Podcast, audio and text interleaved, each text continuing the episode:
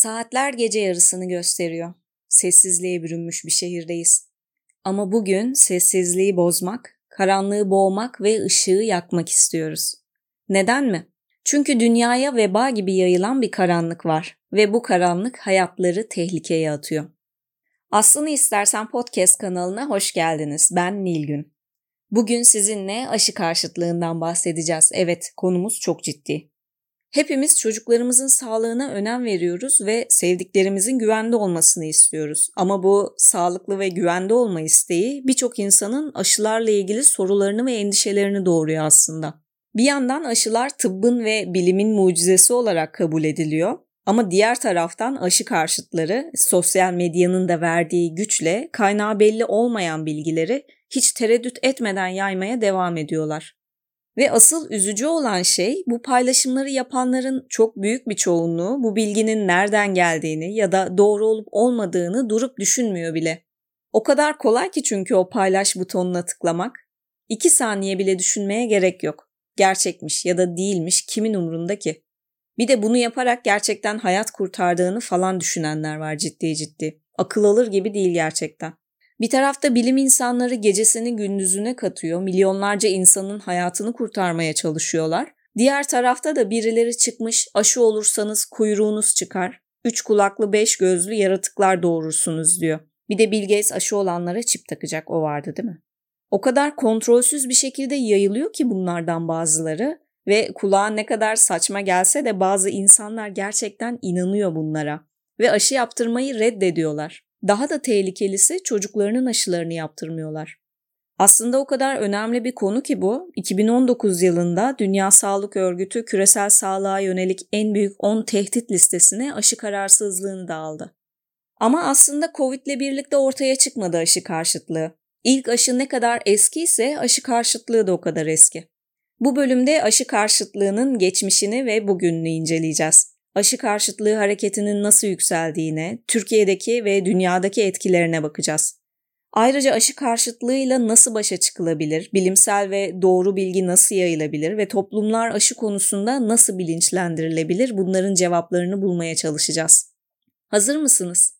O zaman ışık, biraz daha ışık. Hadi başlayalım. Aşı karşıtlığına gelmeden önce ilk aşı nasıl ortaya çıktı ona bir bakalım. Birazcık geçmişe gitmemiz lazım bunun için. Bir zamanlar çiçek hastalığı dünyanın neredeyse her yerinde çok ciddi ölümlere sebep olmuş.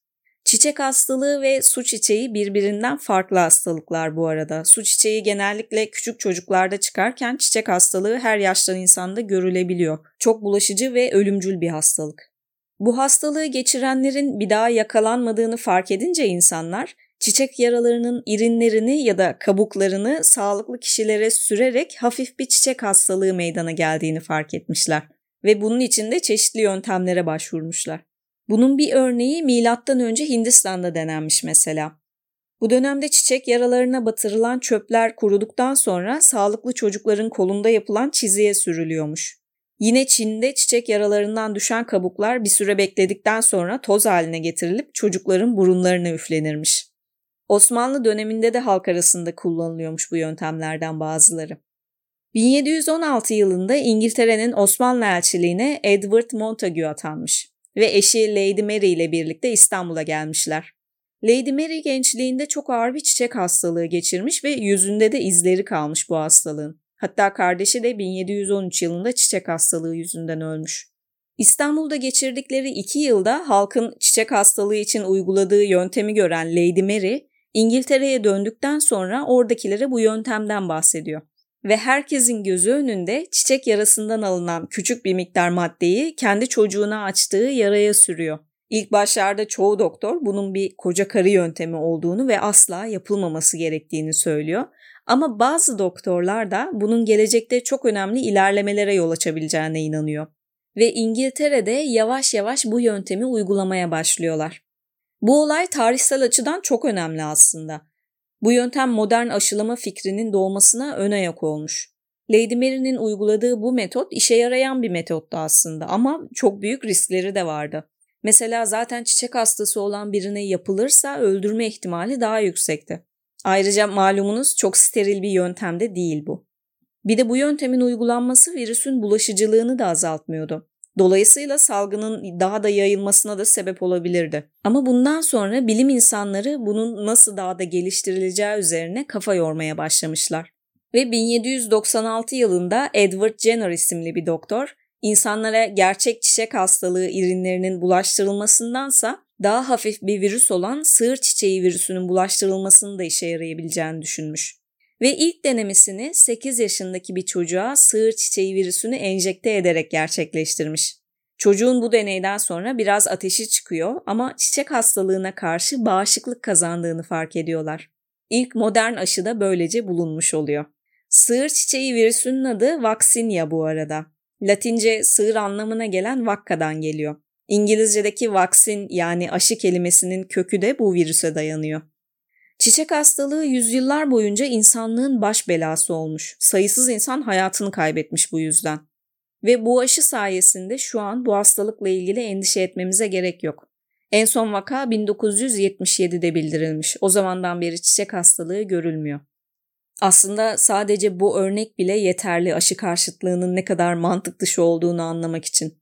Jenner'ın bu çalışması çiçek hastalığının yayılmasını önleme ve kontrol etme açısından bir devrim olmuş aslında ve diğer hastalıklara karşı aşıların geliştirilmesine de ilham kaynağı olmuş.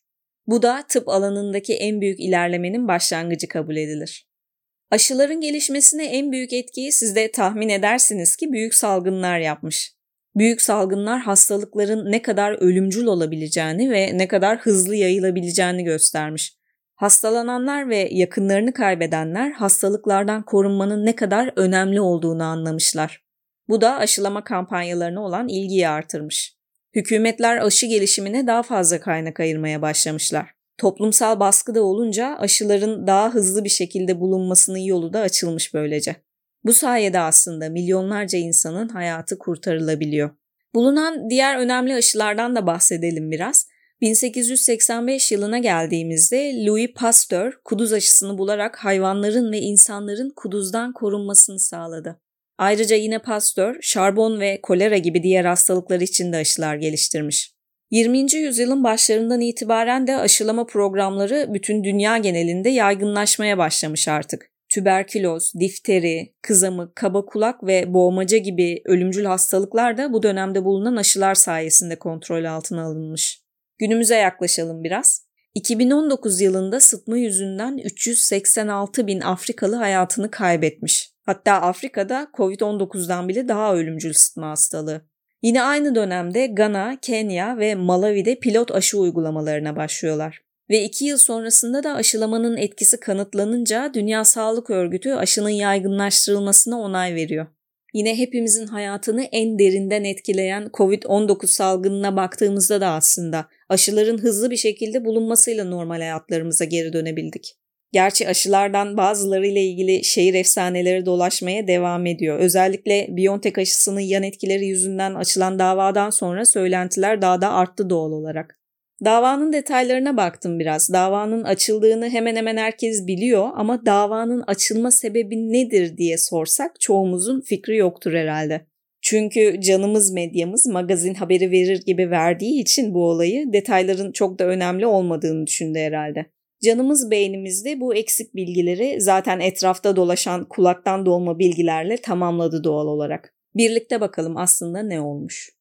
Dava Almanya'da açıldı. Davacının kimliğini bilmiyoruz. Gizli tutulması talep edilmiş. Davacı aşının vücudunda yan etkiler bıraktığını iddia ederek 150 bin euro tazminat talep ediyor. Nelermiş peki bu yan etkiler? Ona bakalım. Aşı sonrası vücudunun üst kısmında ağrı, el ve ayaklarda şişkinlik, uyku bozukluğu ve yorgunluk. Dava açan başka insanlar da var. Hatta bir kişi görüşünde bozulma olduğunu iddia etmiş. Henüz sonuçlanmış değil bu dava. O yüzden hangileri doğru, hangileri değil bilmiyoruz. Ama çoğumuz bu davayı ilk duyduğumuzda yan etkinin kalp rahatsızlığıyla ilgili olduğunu düşünmüşüzdür herhalde. İtiraf ediyorum benim ilk aklıma gelen o oldu. Yine de yılmadım bununla ilgili bir haber var mı diye kurcaladım ama Covid aşısı ve kalp hastalıkları arasında bir ilişki olduğuyla ilgili söylentiden daha fazlasını bulamadım ben. Bu arada ola da bilirdi ciddi yan etkileri olan aşılar da olmuştur tarihte. Aşıyla aslında ölü ya da zayıflatılmış mikroorganizma enjekte ediliyor vücudumuza. Bu da vücudun o hastalığa karşı bağışıklık kazanmasına yarıyor. E o zaman bırakalım hasta olalım. O zaman da bağışıklık sistemimiz güçlenir der bazı aşı karşıtları. Ama şöyle ki aşı olduğumuzda hastalığı büyük ihtimalle ya hiç geçirmeyiz ya da hafif atlatırız. Aşı olan birisinin o hastalıktan ölme ihtimali çok düşüktür. Ama sıfırda değildir. Bunu da söylemek lazım. Dünya Sağlık Örgütü'nün sitesine girerseniz de görebilirsiniz bunu. Aşıların hiçbiri %100 koruma sağlamaz. Ölüm ya da ciddi hastalık ihtimalini önemli oranda düşürür ama. İnsanların şüpheye düşmeleri anlaşılabilir bir şey bunu anlıyorum. Ama anlayamadığım şey şu. Ortada bir virüs var. Bulaşıcılığı ve öldürücülüğü yüksek bu da biliniyor. Ama yan etkilerinden korkup ya da hastalığı doğal yollardan geçirmeyi tercih edip aşı olmayı reddediyor bazı insanlar. Hangi yan etki ölme ihtimalinden daha korkutucu geliyor bunu anlamıyorum. Ama aslında yeni ortaya çıkmadı aşı karşıtlığı. İlk aşı ne kadar eski ise aşı karşıtlığı da o kadar eski dedik. İlk çiçek aşısının bulunmasıyla ve aşının yaygınlaşmaya başlamasıyla aşı karşıtları da seslerini yükseltmeye başlamış. Ve çok ilginç bundan 200 yıl önce aşı karşıtı olanların argümanlarına baktığınız zaman bugünkülerden çok da farklı olmadığını görürsünüz. İlk aşıdan bahsederken söylediğimiz gibi aslında Lady Mary'nin İngiltere'de anlattığı yöntem her ne kadar buna modern aşı diyemesek de karşıt görüşleri de beraberinde getirmiş. Dediğim gibi bunun doğulu koca karı yöntemi olduğunu söylemişler. Uygulayanların kötü niyetli ve suçlu olduğunu, hatta çocuk katili olduğunu iddia etmişler. Jenner'ın modern aşıyı bulmasıyla da çok değişmemiş aslında bu durum. Aşılama yayıldıkça karşıt olanların sayısı da artmaya başlamış. Ama aşı karşıtlarının asıl savaşı devletin çiçek aşısını zorunlu tutmasıyla birlikte başlamış.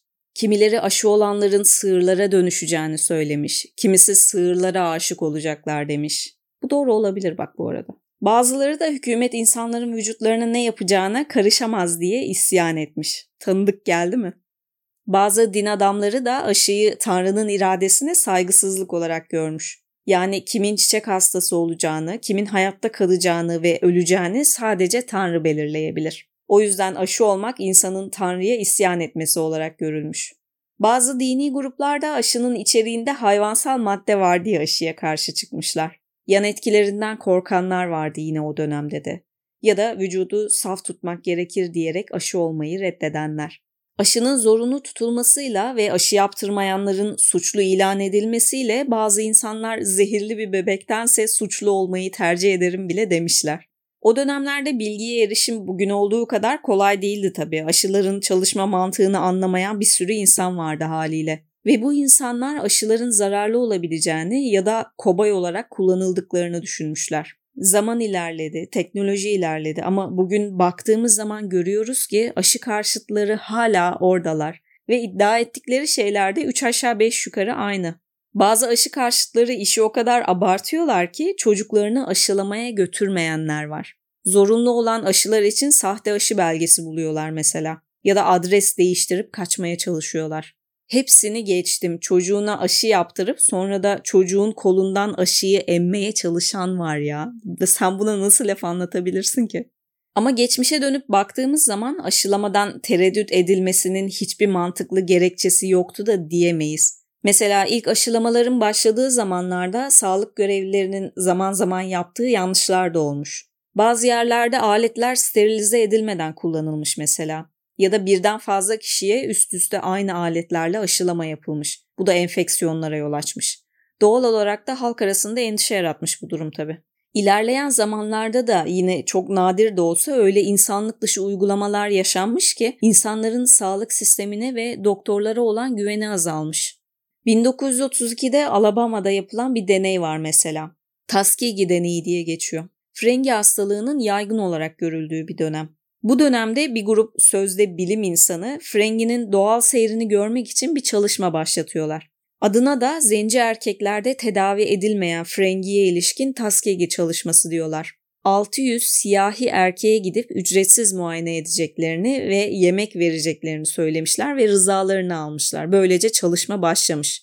40 yıl boyunca devam etmiş bu çalışma. Başladıktan 15 yıl sonra penisilinin Frengi'ye karşı etkili olduğu bulunuyor aslında. Ama deneyi yapanlar hastalığın doğal seyrini görmek istedikleri için hiçbirinin tedavi olmasına müsaade etmiyor.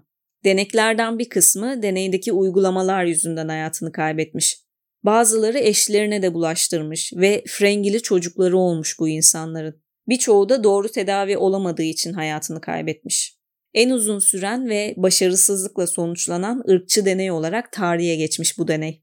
Ve maalesef siyahilere uygulanan ilk tıbbi ırkçılık olmadığı gibi sonuncusu da olmamış. Bugün genellikle siyahi topluluklardaki aşı kararsızlığının ya da sağlık çalışanlarına olan güvensizliğin temelinde de bunların olduğu söylenir. Ama Tuskegee deneyinde asıl sorun tedavi yönteminin aslında olması ama insanlara uygulanmamasıydı. Ama yine de sonuç olarak sağlık çalışanlarına ve dolaylı olarak da devlete olan güven azaldı. Aşı karşıtlarının en çok söylediği şeylerden bir tanesi de aşıların çok ciddi yan etkilerinin olma ihtimali.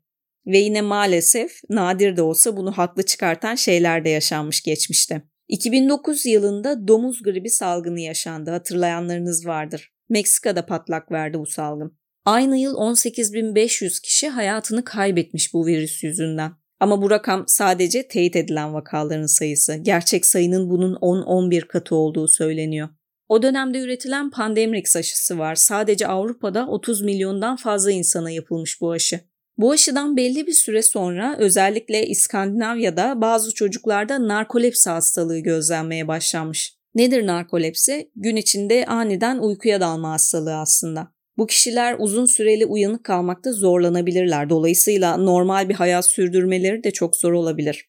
Türkiye'de böyle bir vaka bildirilmemiş bu arada.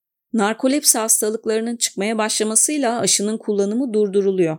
Geçtiğimiz Ocak ayında bir makale yayınlanmış bununla ilgili ama oradaki veriler gerçekten enteresan bence. Çalışmada aşılamanın düşük olduğu ülkelerde durum ne diye bakılmış ve oralarda da narkolepsi hasta sayısının yükseldiği görülmüş. Dolayısıyla bu hastalığa aşının mı yoksa doğrudan virüsün mü sebep olduğu hala netlik kazanmış değil. Ama sonuç olarak bu ve benzeri haberler insanların aşılara karşı biraz daha temkinli olmasına sebep olmuş zaman içinde ve aşı karşıtı kampanyalarında güçlenmesine neden olmuş. Ama geçmişten bugüne aşı karşıtlarının kullandığı argümanlara bakarsak eğer çoğunlukla yalan haberler ya da sahte çalışmalar görürüz. Çiçek aşısının yaygınlaşmasından sonra ölüm oranlarında bariz bir düşüş olunca diğer tehlikeli hastalıklar için de aşı çalışmalarına olan ilgi artmış. Kuduz, difteri, tetanos, kızamık, kaba kulak, çocuk felci ve daha başka birçok hastalığa karşı aşılar geliştirilmiş. 1948 yılında difteri aşısıyla tetanoz ve boğmaca aşıları birleştirilmiş ve DTP aşısı oluşturulmuş. 70'lerde İngiltere'de bazı nörolojik hastalıklardan bu aşı sorumlu tutulmuş. Sadece söylenti olarak da kalmamış, bunun haberleri de yapılmış o dönemde. Ama işin aslı araştırılınca bu aşının bahsedilen hastalıklarla hiçbir alakasının olmadığı kanıtlanmış. Ama yine de bu yalan haberlere inanarak aşı olmayanların sayısı artmış maalesef. 1974'te %81 iken aşılanma oranı 1980'de %30'lara düşmüş ve boğmaca vakalarının sayısı 20 kat artmış. Bir sürü insan ölmüş bunun sonucunda da. Yine benzer bir hikaye de kızamık kızamıkçık kaba kulak karma aşısı için yaşanmış. 1998 yılında İngiltere'de Andrew Wakefield bir makale yayınlıyor ve bu aşının otizme yol açabileceğini iddia ediyor. 12 çocuk da bu aşıdan sonra otizm bulgularının ortaya çıktığını söylüyor. Ama o dönemde İngiltere'de 50 bin çocuk olmuş bu aşıyı. Bir kere en başta yaptığı çalışmanın bilimsel metotlarla uzaktan yakından ilgisi olmadığı fark edilmiş. Daha sonrasında yapılan incelemede de verilerin değiştirildiği anlaşılmış. Sonuç olarak aşı ve otizm arasında hiçbir bağın olmadığı kanıtlanmış ve nihayetinde makale geri çekilmiş. Wakefield'da görevini kötüye kullanmaktan suçlu bulunmuş ve doktorluk lisansı iptal edilmiş. Peki neden böyle bir makale yayınladı Wakefield? O da olaydan 6 sene sonra ortaya çıkıyor. Wakefield makalesinde bir sürü etik ihlal yapmış ve ortaya çıkmış ki o dönemde bu karşı çıktığı aşıya rakip bir aşının patent başvurusunu yapmış. Yani yazdığı makalede var olan aşıyı karaladıktan sonra kendi ortak olduğu firmanın aşısını piyasaya sürmeyi planlıyormuş.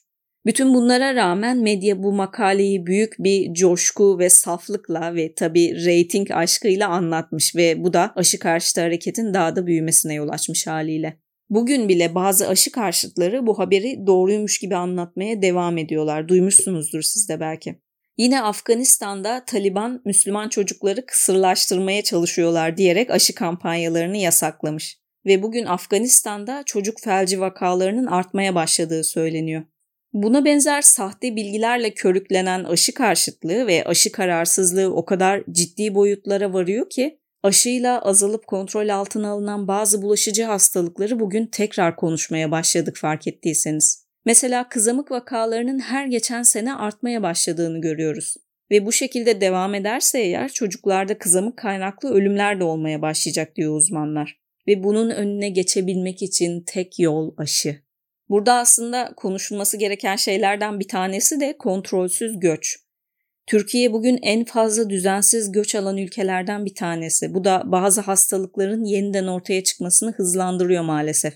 Bu durum bir de yanına aşı karşıtlığını ya da kararsızlığını alınca göz göre göre felakete sürükleniyoruz aslında.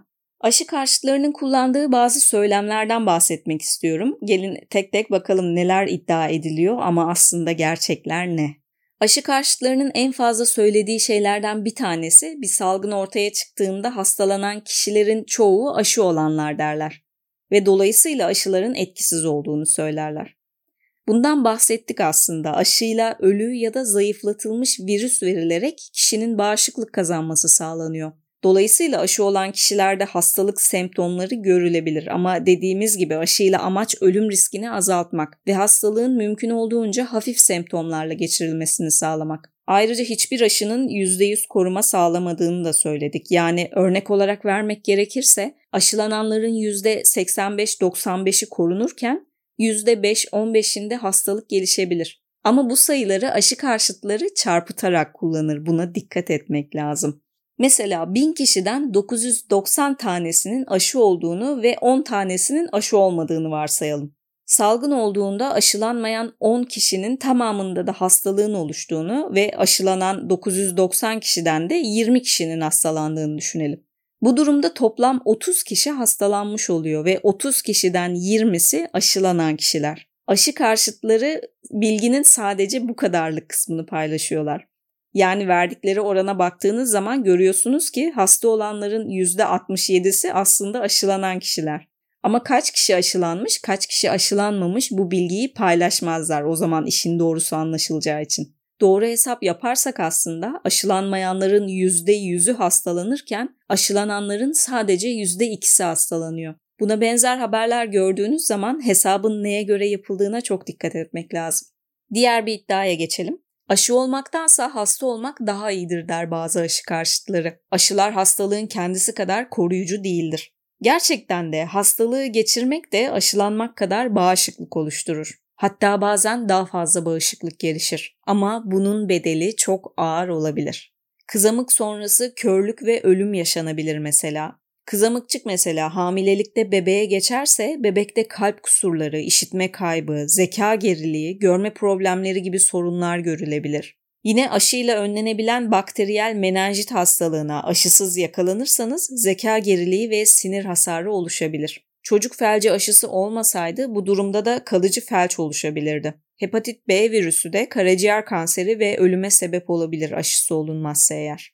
Başka bir iddia da anne sütünün bebekler için yeterli olduğu aşılara gerek olmadığıdır. Bu da çok tehlikeli bir iddia aslında. Evet emzirilen bebekler anne sütü ile antikor alırlar. Hatta bebeğin ilk aşısı denir anne sütü için. Ve bu da bebeğin bağışıklık sistemi gelişene kadar bazı hastalıklara karşı önemli bir koruma sağlamış olur. Bu doğru ama bu antikorlar uzun süre kalıcı değildir ve tüm hastalıklara karşı da koruma sağlamazlar. Kızamık, kızamıkçık, tetanos, difteri gibi öldürücü hastalıklar mesela bunlara karşı anne sütünün herhangi bir fonksiyonu olmaz.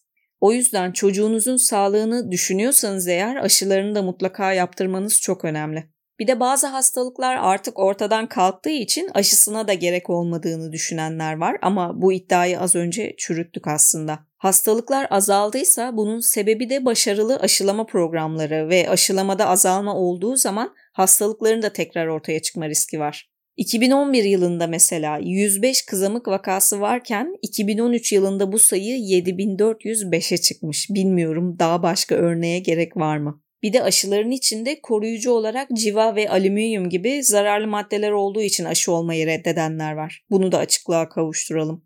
Aşılarda timerosal diye bilinen organik bir civa bileşiği var aslında. Doğada civanın iki formu var. Biri etil civa, diğeri metil civa. Metil civa vücutta birikirse eğer zehir etkisi gösterir. Etil civa ise metil civaya göre çok hızlı bir şekilde vücuttan atıldığı için toksik dozlara ulaşmaz ve dolayısıyla zarar verme riski de olmaz. Timerosal dediğimiz şey etil civadır.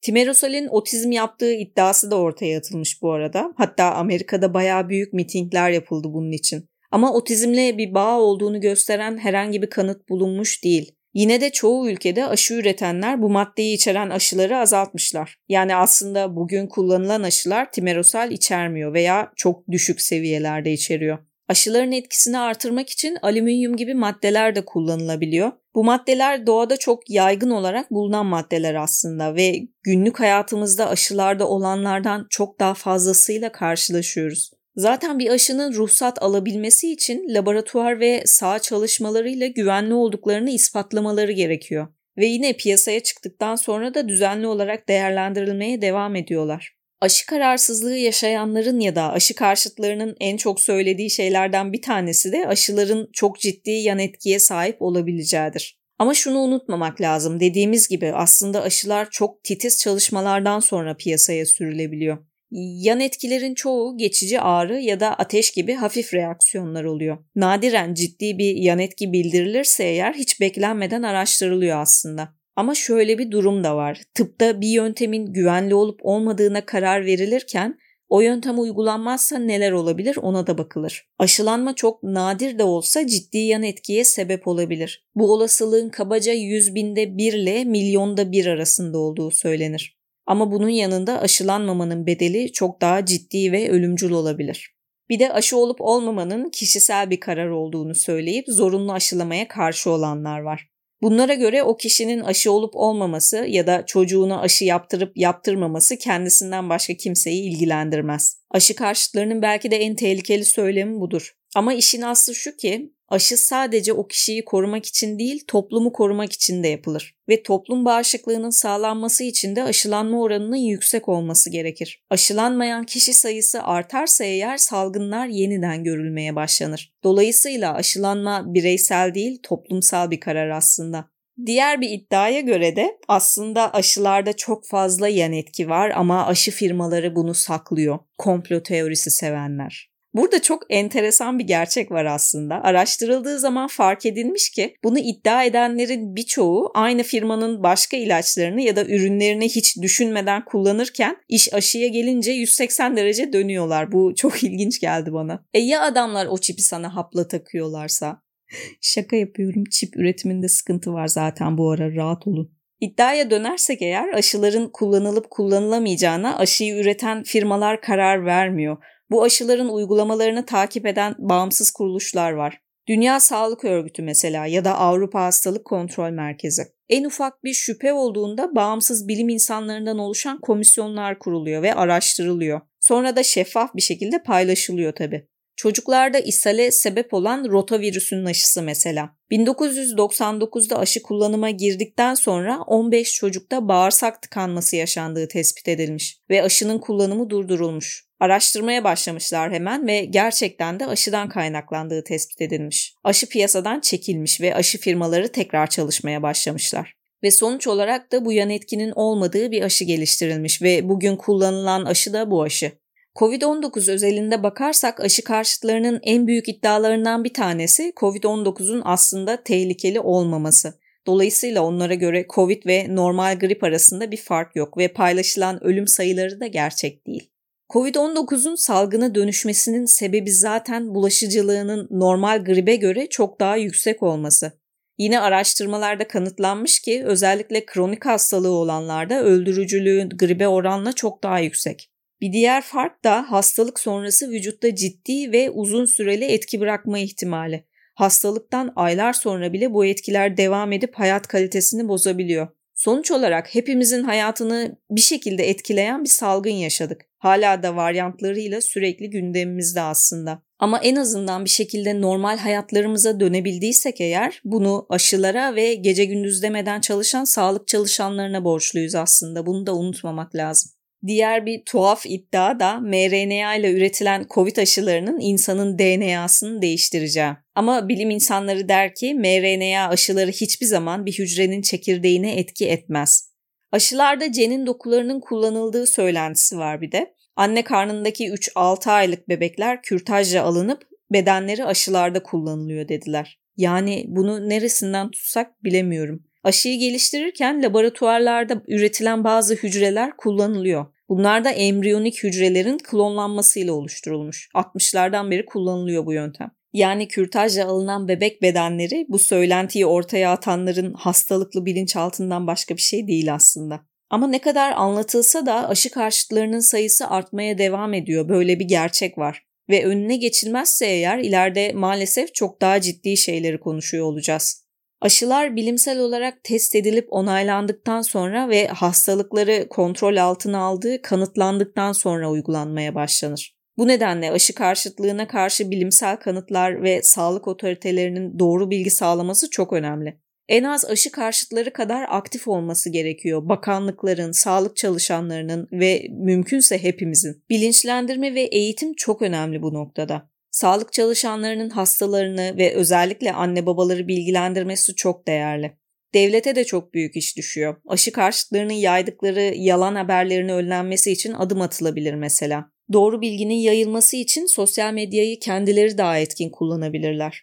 Bugün Sağlık Bakanlığı'nın sitesine girdiğiniz zaman aşıyla ilgili bilgilere ulaşabiliyorsunuz aslında. Ama kaç kişi bunu öğrenmek için siteye girip bakıyor bir düşünmek lazım. Artık öyle bir duruma geldi ki çoğu kişi sadece sosyal medyada karşısına düşen haberlerin gerçek olduğuna inanıyor. Sosyal medya ve kamu spotları daha aktif olarak kullanılabilir. Ünlü kişilerin kampanyalara destek olması da sağlanabilir yine. Bu da önemli bir etki yaratabilir. Ve paylaşılan her bilginin anlaşılabilir olması çok önemli. Bunu izleyenler ya da okuyanlar yani asıl bilinçlenmesi gerekenler tıp bölümü mezunları değil. O yüzden anlatırken de bunun farkında olmak lazım. Çok basit bir örnek vereceğim. Mesela Türk Tabipler Birliği'nin sitesinde bir belge paylaşılmış. Madde madde anlatmışlar ne güzel ama bir Allah'ın kulu ya biz ne koyuyoruz buraya diye kontrol etmemiş mi? Çok fazla teknik terim var. Hadi onu da geçtim diyebilirsiniz ki belki sadece doktorlar için paylaşılmıştır. Ama yine de belgenin kendisi o kadar özensiz ki anlamak için ekstra çaba sarf etmek gerekiyor. Bir grafik var mesela ama bulanık yarısı sayfanın dışında kaldığı için çıkmamış. Bu kadar önemli bir kurumun paylaştığı belgenin bu kadar özensiz olması çok acı bence. Yine web sitesi için de aynı şey geçerli. Gerçi bu sadece Türk Tabipler Birliği'ne has değil, Türkiye'deki kurumların genel bir sorunu bence. Paylaşımların, sitelerin basit, kolay anlaşılır ve ilgi çekici olması lazım. Ve kullanımlarının da kolay olması lazım. Değilse mecbur kalmayan kimse açıp bakmaz hiçbirine. Her neyse aşılara dönelim. Aşıların kolay erişilebilir olması da çok önemli. Bazı aşılar Türkiye'de hala bulunmuyor mesela ya da bulunuyor ama ücretli olarak yapılıyor. Bunlar da aşı yapılmasının önündeki engellerden olabilir. Bunun dışında okullarda aşılamayla ilgili eğitimler verilebilir. Bugünün çocukları ve gençleri yarının yetişkinleri ve anne babaları olacak sonuçta. Çocukların zihinlerini sosyal medyadaki aşı karşıtlarının insafına bırakmamak lazım. Elektronik aşı takip sistemleri yaygınlaştırılabilir ya da yasal düzenlemeler gibi birçok şey var bu konuda aslında yapılabilecek. Sonuç olarak dediğimiz gibi aşılara bireysel bir karar olarak bakmak çok doğru değil. Sağlıklı bir toplum için aşılamanın ne kadar önemli olduğunu yılmadan anlatmak gerekiyor. Biliyorum beni dinleyenlerin arasında da aşı karşıtları ya da kararsızlık yaşayanlar vardır. Şüphe etmek de kötü bir şey değildir ayrıca ama lütfen o kadar bilim insanının söylediklerini göz ardı edip kulaktan dolma bilgilere inanmayın. Uzun oldu bu bölüm biraz farkındayım ama yayını Louis Pasteur'ün bir sözüyle bitirmek istiyorum. Hiç kuşkum yok ki bilim ve barış cehalet ve savaşı yok edecektir. Ulusların yıkmak, yok etmek için değil, yaşamı yüceltmek için birleşeceğine, geleceğimizi bu yolda uğraş verenlere borçlu olacağımıza inanıyorum. Beni dinlediğiniz için çok teşekkür ediyorum. Düşünceleriniz ve önerileriniz benim için değerli. Bana yazabilirsiniz. Mail adresim aslenistersen.gmail.com Podcast açıklamalarında da görebilirsiniz. Bir sonraki Aslını istersen podcast yayınında görüşünceye kadar kendinize çok iyi bakın. Aşılarınızı yaptırmayı ihmal etmeyin. Görüşmek üzere. Hoşçakalın.